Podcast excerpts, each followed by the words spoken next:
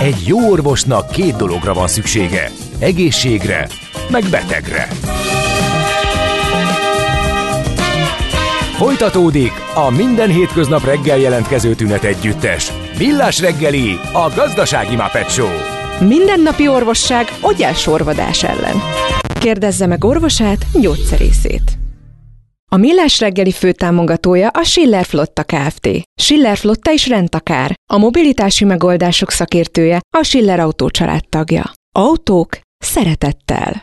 Óriási derültség üzenő falunkon, hálat Szoller Randinak, ugyanis mindenki jót mosolyog azon, hogy Egyiptomban piramis játékot lepreztek le. Rátjuk, hogy átjött az irónia, örülünk, hogy átjött, ez pedig a Millás reggeli a Rádió Café 98.0-án. Azt már kijelenthetjük, hogy ez nem az én, azaz Mihálovics András napja, hanem sokkal inkább Kántor Endré. Ne, nem az én, azaz Mihálovics. Ez Mihálovics András napja is. Neki vannak ilyen napjai. Most, De most ki, nagyon kijött a barlangjából, nem látta meg az árnyékát, visszament, folytatódik a tél, úgyhogy 0636 98 0 98 0 ide lehet üzenni neki, vagy pedig az infokukacmillásreggeli.hu-ra, vagy messengeren, ahogy teszitek, azt többen. Köszönjük szépen azokat az üzeneteket is, mindjárt tallózunk belőlük. Ha az ember a hírekben azt mondja, hogy XY helyen piramis játékot lepleztek le, akkor automatikusan a Ponzi féle móka jut az eszébe egészen addig, a pontig, amíg el nem hangzik, hogy Egyiptomban eh, ez így hétfő reggel, írja a hallgató. Aztán piramis játék Egyiptomban, ez miért ír? Ott, van, ott vannak több ezer éve, persze, hogy játszanak velük, írja Bérfarkas.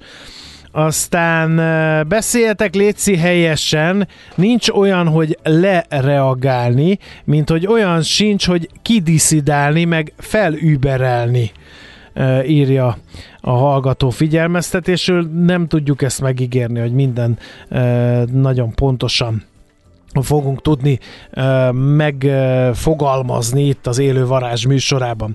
Az M3-a sok írja bankdíler, köszönjük szépen neki az információt, mert hogy felhívta a figyelmet, hogy közlekedésről nem nagyon beszéltünk, pedig van három balesetünk, és sajnos az egyik a 16. kerületben a Rákosi úton történt a János utcánál, de van baleset a Szentendrei úton is, helyszínelnek befelé az Áhony utcánál a külső sávban lassú a haladás egészen a Monostori úttól, illetve a Váci úton is baleset van, ott útszűkület is befelé a Gyöngyösi utcánál, illetve valamelyik hallgató írta, hogy hogy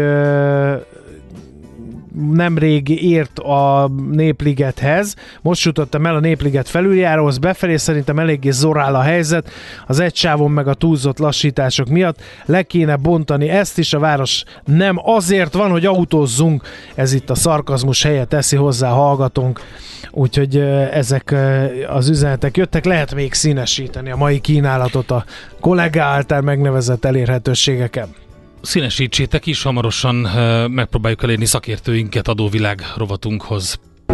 Nézd meg egy ország adózását, és megtudod, kik lakják. Adóvilág. A millás reggeli rendhagyó utazási magazinja. Történelem, gazdaság, adózás, politika. Adóvilág. A pénz beszél, mi csak odafigyelünk rá. Gerendi Zoltán a BDO Magyarország ügyvezetője, adótanácsadó partnere a vonalban. Jó reggelt, szervusz! Jó reggelt, sziasztok! Picit akkor megszakítjuk az általános utazgatásainkat, és megnézzük, hogy az orosz-ukrán háborúnak milyen adóhatásai vannak. Hát, hát például az, hogy felkerültek az EU adózási szempontból nem együttműködő országait soroló fekete listára. Hát így van, ennek számos, számos lépése van de a mai adásban röviden arra próbáltam úgy össze, össze felkészülni, hogy a három, tehát a két szereplő plusz az EU nagyjából hogyan reagálja le ezt a háborút, mert azt látjuk, hogy ég a pénz, tehát rengeteget költ mindenki erre. Oroszország nyilván ugye, tehát a hadi eseményeket ismerjük, de mi zajlik a háttérben, és hogy ez mibe kerül, meg hogyan hat a adózásra, az szerintem érdekes. Tehát ha Oroszországnak kezdjük, azt talán pár hete néztük, hogy adóemelések várhatóak, tehát ott gyakorlatilag a társasági adójukat meg fogják emelni fél százalékkal, van egy ilyen külön adójuk is, plusz az SZIA-t a gazdagabbaknak a 13 százalékról fölrakják 15%-ra egy sáv fölött. Most Oroszországról annyit kell tudni, hogy őket egyébként költségvetési oldalról próbálták már a legelején megfogni, mert befagyasztottak a háború kezdetekor közel 320 milliárd eurónyi pénzt, amiből, a, amiből az EU-n belül volt csak 21,5, és az, a G7-es országokból volt közel 300 milliárd.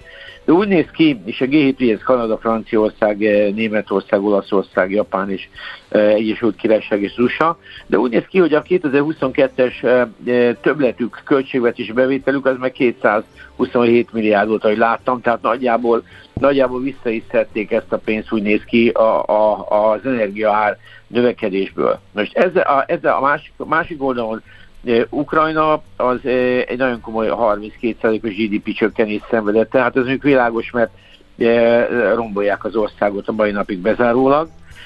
És hát ugye emiatt, emiatt a, nekik az idei évük is egy közel 36 milliárd dolláros hiány, ami, amiből, a, amiben tesznek bele, tehát amiben az amerikaiak is tesznek bele, az EU is kölcsönel támogatja, de úgy néz ki, és ami engem igazából meglepett, hogy a, jelentős privatizációt terveznek. Tehát azt nem tudom, hogy hogy fogják lebonyolítani. Nyilván ez egy extrém nehéz helyzet, de az ukrán költségvetés az nem adóemelésekről beszél, hanem különböző, tehát a támogatásokat szeretnék, ebben benne van az EU, meg az USA is.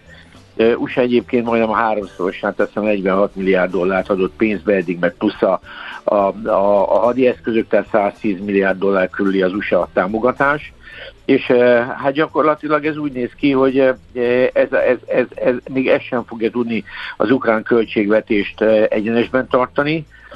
A bevételeikkel számolnak, de hát ez egy nehéz kérdés, mert a adókat nem emeltek, az áfájuk az 20%, a TAO az 18, SZIA-juk 18, de ez egy progresszív, tehát nem egy kulcsos adó. Tehát Ukrajna igazából egy nehezen megbecsülhető gazdasági évet fog, fog idén igen valahogy teljesíteni de a jó ír az nekik, hogy a támogatás azért mögöttük van, bár az, az, sem, az sem korlátlan. A privatizáció meg kifejezetten érdekes, de még nem nagyon látom a gazdasági e, racionalitását. Az EU-ban azt látjuk, hogy az energiaköltség csög, e, növekedés, tehát ez, a, ez, a, ez így csapódott le, és erre minden ország próbált reagálni. Tehát ez, e, ez, ez gyakorlatilag egy olyan ez közel 660 milliárd eurós többleterhet jelentett, és a, a, amit, amit kompenzálásra költött az EU, ebből csak Németország 270 milliárd eurót költött arra, hogy a fogyasztókat támogassa. Ebben a magánszemélyek is döntően jelen voltak, de a vállalatok is. De most azért ez egy, ez egy, ez egy komoly dolog, és a Németországról beszélünk, ott, ott a közvetlen támogatásokon túl, amit a lakosságnak adtak, ezen túlmenően van egy uh, Uniper nevű uh, cég, amelyik, egy, amelyik például ennek kapcsán egyből bajba került egy energiaellátó, energiaszolgáltató, azt például államosítani fogják. Szóval nagyon úgy néz ki, hogy, hogy, hogy ebben az irányban a támogatás költségvetések Európában is megnyíltak, és további, hát ugye valamilyen fajta adóemelések kellenek, de azt nem a lakosság irányába érvényesítik, hanem ez a EU-nál egy többletnyereségadó koncepció jött be, ami a gyakorlatban azt mondta, hogy a, ha a 19 és 21 e, évek közötti átlagos nyeressége egy energiaszolgáltatónak, vagy ilyen e, e, energiakereskedő cégnek 20%-nál nagyobb mértékben nőtt, akkor az afölötti összegre 33% különadót még pluszba ki kell tenni. Tehát ez egy EU beli szabály, és ezt Magyarország is meglépte egyébként. Magyarország még más területeken is, tehát a gyógyszeripar felé is, biztosítási ipar felé is tett ilyen szektoriális adókat, de nagyon úgy néz ki, hogy az EU is adóemelésekkel válaszol erre. Ezt azért hallottuk, hogy a Shellnek volt rekordnyeresége, az Exxon egyébként szintén így járt, az Exxon be is perelte az EU-t, mert ezt méltánytalannak tartja. Egy biztos, hogy az EU-s költségvetések is megterhelődtek, de ezzel a különadó csomaggal, extra nyereség adóval próbálják lekezelni. Még amit így a környéken néztem, az, az a cseheknek volt egy érdekes iránya, hogy az áfát levették az energiaárakról. Tehát ez egy nagyon uh-huh. érdekes lépésük volt a cseheknek, ami szerintem nagyon, nagyon érdekes, és ami még így a, az európai környezetünket érinti talán, hogy a, a norvégoknál meg úgy néz ki, hogy a, az olajcégeknek a, a költségvetési befizetései meg háromszorozódtak. Tehát baromi érdekes az egész e, e, pénzügyi e, hatása ennek a háborúnak. Tehát úgy néz ki, hogy mindenki mindenki ugye azért nagy tömeg ettől, ettől szenved, de azért vannak jócskán, akik ebből elég szép hasznot Hát húznak. persze, nyilván ez így volt, ugye, és, és, és akkor sokan már dörzsölik a tenyerüket az újjáépítési munkálatokra, Igen. ahogy ezt egyébként láttuk Irakban, Kuwaitban és stb. Az, és az a amerikai... privatizáció, amit az Oli mondott, na ott is dörzsölik a, a, a markokat. A jók lesznek ára. Igen. Igen. Azt néztétek, Zoli, hogy, hogy még az EU-nak ugye most plusz kiadásai lesznek Moldovával kapcsolatban, mert most úgy tűnik, hogy oda is koncentrálnak erőket a tervek szerint pont, a, pont az egyik szomszédos országot egy kicsit megerősítendő. Igen, hát én nem olvastam most így erről, tehát nem, nem kerestem uh-huh. így rá, de ez, ez biztos, hogy most egy olyan időszak, ahol az EU-nak költenie kell, csak ugye az a kérdés, hogy ilyenkor látjuk azt, hogy az EU országok elkezdenek költeni, azt valahogy adóbevételekkel ki kell egyensúlyozni, mert a hiány mégse szállhat el, tehát Stimmel. gyakorlatilag ez egy, egy, egy, egy adóemelési időszak talán kezdetén vagy közepén vagyunk, tehát ezt még azért nagyon nehéz megjósolni. Egy biztos, hogy a, a háború megy tovább, erre azért a kevés kilátás, hogy befejeződik, és ez gazdaságilag mind a két félnek. Tehát az ukránoknak biztos, hogy nem lesz jó, őket, őket ez nagyon üti, de az oroszok is azért szépen lassan kezdenek belecsúszni a fájdalmas hát de ahogy korábban beszéltük, ők 14 óta szankciók alatt vannak. Tehát az orosz gazdaság nem, nem ezzel a háborúval kezdett el szankciók alá kerülni, de most már aztán tényleg úgy ki van terjesztve, csak ugye, hogy, hogy az már abszolút érzékelhető a számukra is, de azért azt látni kell, hogy, eh, hogy, hogy eh, a Föld legnagyobb országáról beszélünk, és ilyen szempontból ők a kereskedelmi e, csatornáikat bőven át tudják alakítani. És most a legnagyobb beszállítója Kína lett. Most ez nem a fegyver témára vonatkozik, hanem egyszerűen generálisan azt, amit az Európai Unió nem szállít le, azt Kína leszállítja. Tehát, és, és, és így azért az oroszok nagyon sok mindent tudnak pótolni. Tehát nagyon nehéz lesz ennek majd az egész nem modellezése, hogy a háború háború valójában mit is hozott az egyes térségeknek, és hol mekkora veszteségek, károk keletkeztek. De egy biztos, hogy adójogilag mérhető hatása van már most ennek a háborúnak. Oké, okay, Zoli, köszönjük nagyon szépen, szépen köszönjük Zoli. az információkat. Nagyon Szép szívesen. napot, jó munkát, szervusz! Köszönjük nektek is, sziasztok! Gerendi Zoltánnal, a BDO Magyarország ügyvezetőjével, adótanácsadó partnerével beszéltünk. Jön majd adóvilágrovatunkban Feledi Botond külpolitikai szakértő is. Előtte azonban megnézzük, hogy eh, milyen híreket hozott eh, Czoller Andi. Folytatódik az adóvilág. A Millás reggeli rendhagyó utazási magazinja. Nézd meg egy ország adózását, és megtudod, kik lakják. Adóvilág a pénz beszél, mi csak odafigyelünk rá. Feledi Botont külpolitikai szakértő a vonalban. Szervusz, jó reggelt! Sziasztok, jó reggelt kívánok! Na hát picit ezt a, ukrán háborúnak az adójogi, gazdasági vonzatait néztük át Zolival. Erre csatlakozol most rá te gazdasági és külpolitikai oldalon. Hát ugye a legújabb sztori az, amit ugye a végén a beszélgetésnek említettem is, az a Moldováért való uh, kiállás, kicsit a megerősítése ennek a határnak, hogy ugye ez felröppent, mint félelem, hogy hát lesz következő lépés is lehet akár. Igen, Moldováért egyébként régóta zajlik a csata, most ez újra kiélesedett. Ugye egy picit hasonló forgatókönyvek voltak, mint uh, Ukrajna kapcsán tíz évvel korábban, hogy amíg relatív orosz barát vezetés volt, vagy látszott az, hogy elegendő orosz barát erő van a politikai elitben, addig kevésbé izgult Moszkva, de így, hogy a háború kiélesítette a helyzetet, így látható, ugye a miniszterelnök nemrég mondott, illetve hát megpróbálták visszahozni e, azt a politikust, aki egyébként érintett volt a egyik legnagyobb e, európai banki botrányban, sokáig elmenekült Izraelbe, és aztán eh, az oroszok visszahozták, hogy majd ő lesz akkor a orosz politika egyik feje. Eh, tehát egészen komoly erőfeszítések és befektetések zajlanak, amellett, hogy ugye 2000 eh, orosz idézőjeles békefenntartó állomásozik az ország határán a transznisztriai területen. A másik, ami ilyenkor felmerül, az gyanítom politikai szinten zajló vita, hogy mennyire hatnak a szankciók meg, meg egyáltalán mire valók a szankciók, mert ugye az, a, ezek rövid távon biztosan nem hatnak, ezt most már kijelenthetjük, hiszen egy év alatt azért olyan nagyon nem roppant meg az orosz gazdaság, és emiatt a, a orosz politika és az orosz társadalom sem, de közben az Európai Unió mégis fontosnak tartja, hogy újabb és újabb szankciós csomagokat terjesszen elő.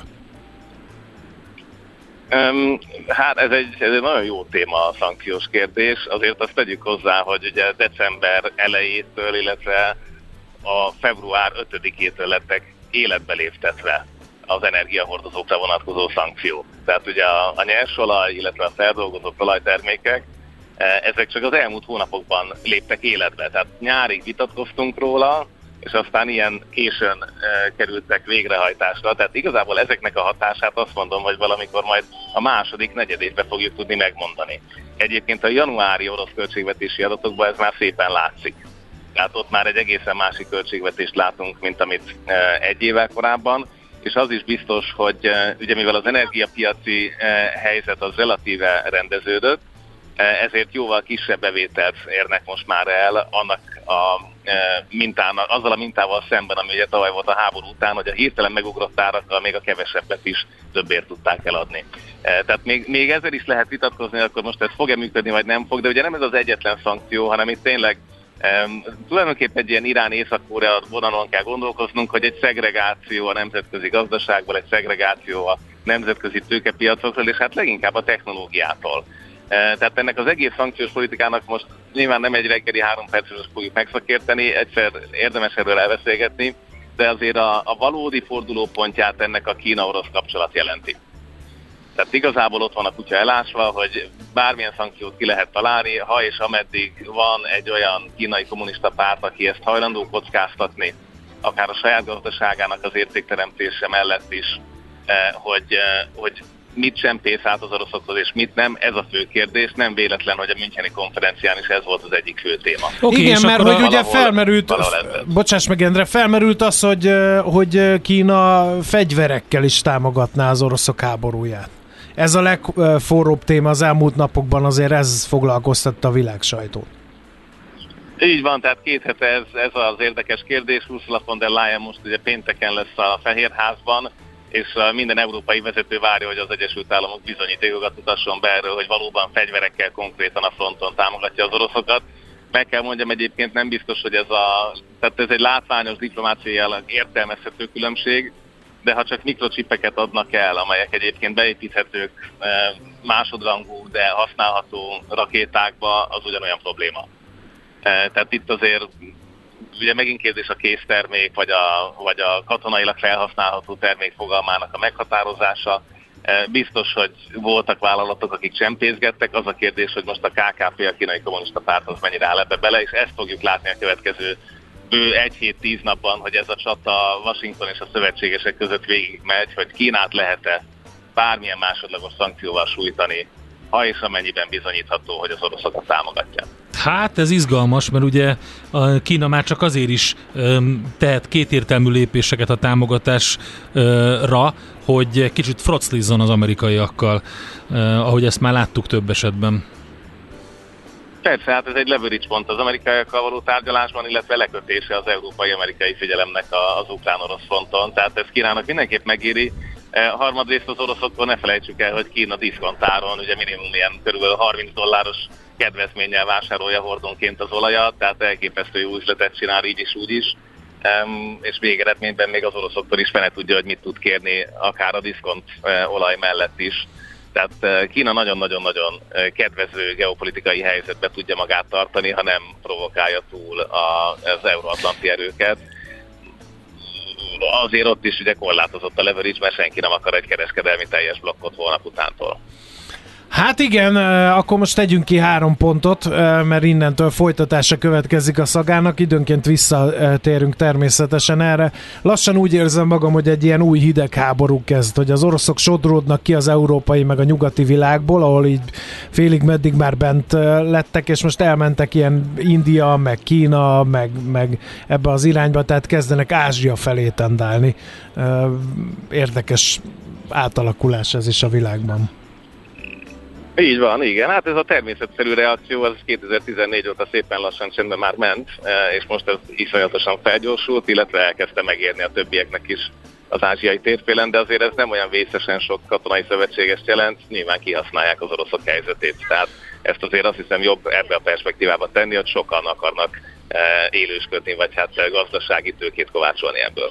Jó, nagyon szépen köszönjük az összefoglalót, jó munkát, szép napot, Botond! Köszönöm nektek is, hallgatóknak is, szervusztok! Feledi Botond külpolitikai szakértővel váltottunk néhány szót. Adóvilág. A Millás reggeli rendhagyó utazási magazinja hangzott el, ahol az adózáson és gazdaságon keresztül mutatjuk be, milyen is egy ország vagy régió. Adóvilág. A pénz beszél, mi csak odafigyelünk rá.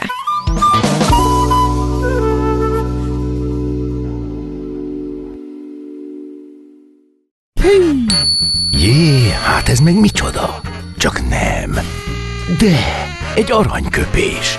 Napi bölcsesség a millás reggeliben. Hm, ezt elteszem magamnak. 1927. március 6-án született Gabriel Garcia Márquez, kolumbiai író, és egyébként politikai aktivitásáról is ismert volt Kolumbiában ő, és őtőle az ő munkássága, tevékenysége előtti tisztelgésről választottuk a mai aranyköpést, mert így hangzik. Ja, hogy én olvasom. Hát te vagy, én azt hittem, hogy száz év magányra vagyok kárhoztatva, de akkor olvasom. A világot a nők tartják fenn.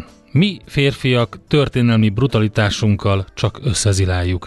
A, igen, nyolcadikára szerintem akkora idézítetted ezt a mondást Gabriel Garcia Márquez-től, úgyhogy akkor természetesen majd egy főhajtás következik minden nő előtt.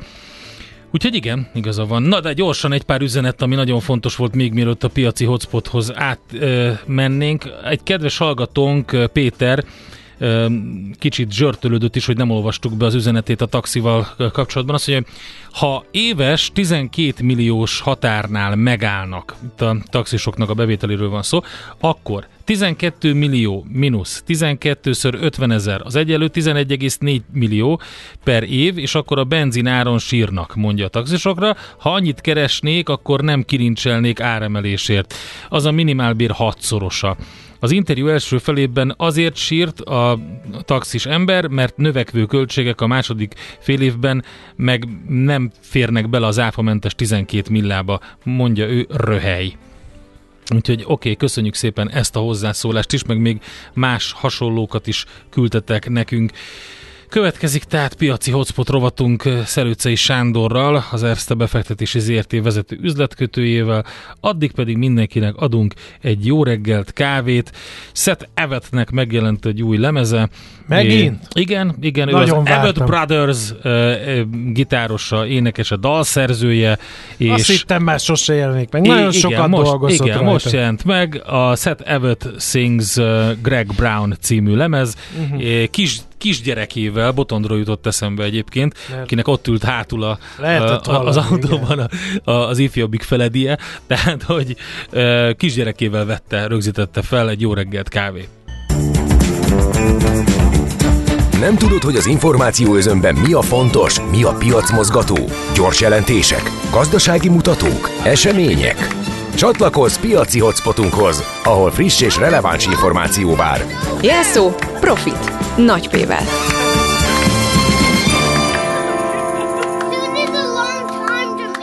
Még az előző felvételben a hát kisgyerek belekiabált, mert azt mondta, hogy túl sokat kell tapsolni, ez így. De itt van velünk Szelőcei Sándor, az Erste befektetési ZRT vezető üzletkötője. Ő is tapsol? Jó, jó reggelt, szevasz! Sziasztok, szép jó reggelt! Nem tapsol, mert Nem jön tapsol. a non-farm payroll, gondolom arra Tapsolja? figyeltek.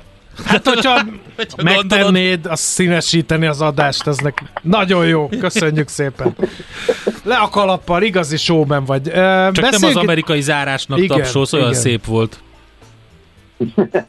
igen, igen, igen, igen. Nagyon szépen zártak az elmúlt héten a részvényindexek.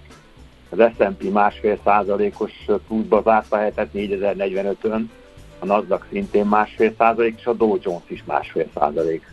Napos pluszba zárt a hetet, és az még érdekes, hogy a 200 napos mozgó átlag volt az alja, a 3940-en, ez volt a minimum, és innen fordult a, a pénteken, pénteken volt az a nagy fordulat. Ö, az történt, hogy a, a magas európai inflációs adat és a továbbra is erős amerikai munkaerőpiac híreket követően, ugye mínuszban kezdtek még az amerikai részvényindexek, és aztán hirtelen a, a kereskedés második felében jött egy fordulat.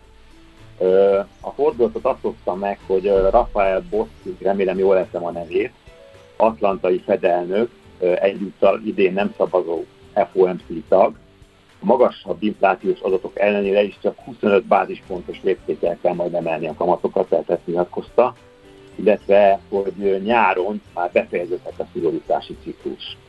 Tehát ez, ez hozta meg a fordulatot. A, a, úgymond poén egyébként az, hogy ezzel ellentétes irányú pegykák voltak egész héten, hogy jó sokáig magas marad a kamat 5% fölött Amerikában, hát szerencsére ez a, ez a hír megfojtotta a piacot. Chip szektorról vannak érdekes hírek, kettő van, az egyik pozitív, a másik negatív. A pozitív az az, hogy ugye a GitLab nevezetű AI-jal foglalkozó cég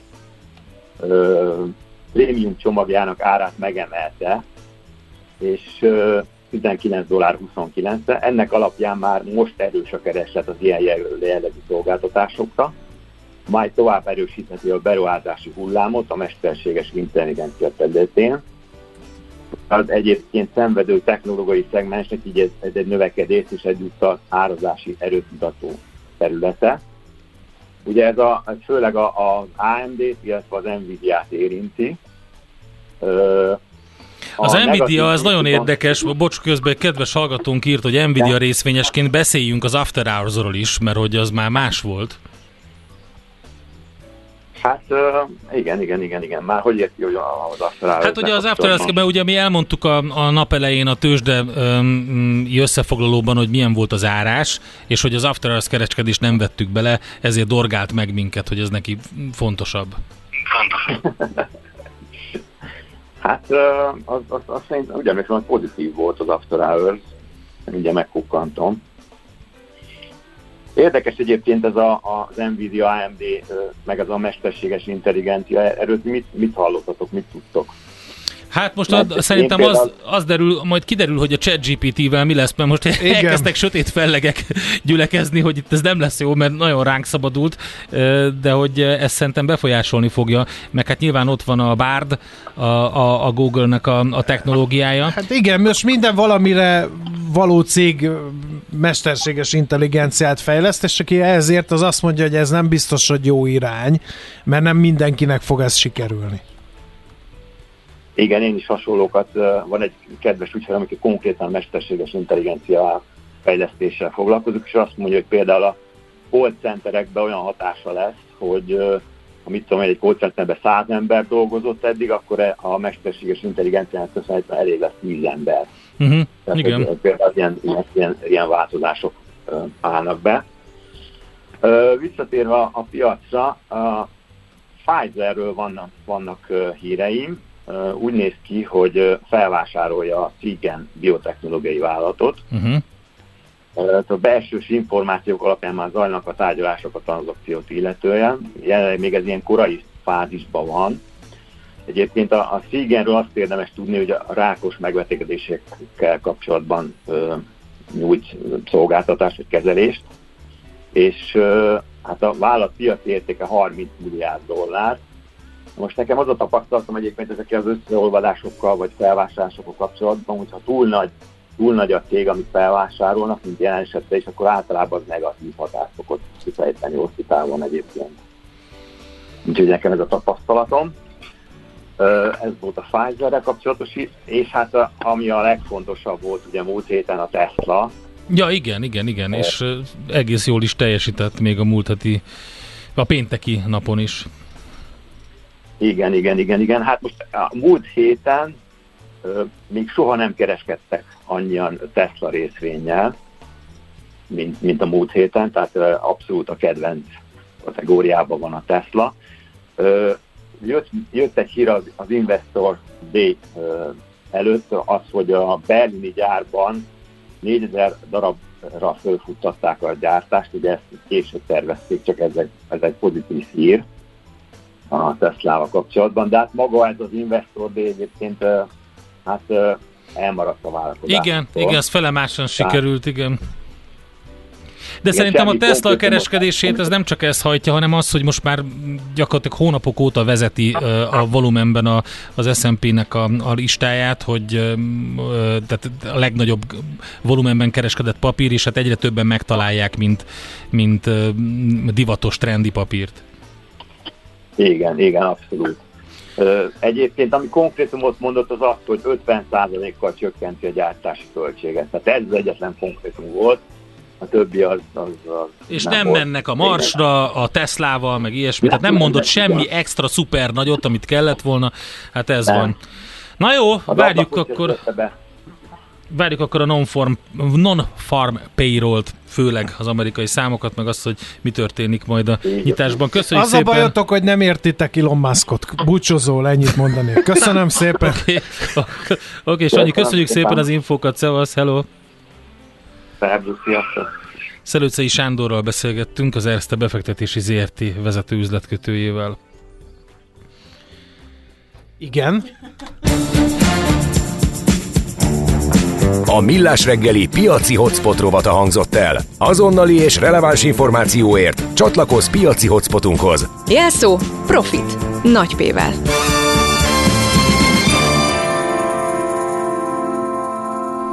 Andika. Már is itt van Szoller Andi a híreivel. Ne, ne szenvedj már! Mit tudok Ennyire tenni ezért? Van. Fáj a bal nyakam. Egy medve puszit nyomjak oda? Igen. Már hogy Isten. nem azt érted, na mindegy. Most nőnap előtt vagyunk, ezért nem mondom azt, hogy ez egy elszó, csúnya freudi elszólás volt, amikor egy, egy nőnemű egyed beismerte, hogy a, a bizonyos hétfejű ö, klámba tartozik. Tehát azt mondta, fáj a, fáj a bal nyakam, mondta ő. Nem vagyok sárga. Ja, okay. Nem, ez okay. biztos. Holnap vezekelni fogok. Miért? Mármint, hogy a, ezért a beszólásomért. Holnap után? Is. Holnap is, és holnap után is. Folyamatosan vezekelni fogok. Elnézést kérek. Elmondod a híreket azért? El. Hogy a bal nyakad fáj? El. Jó.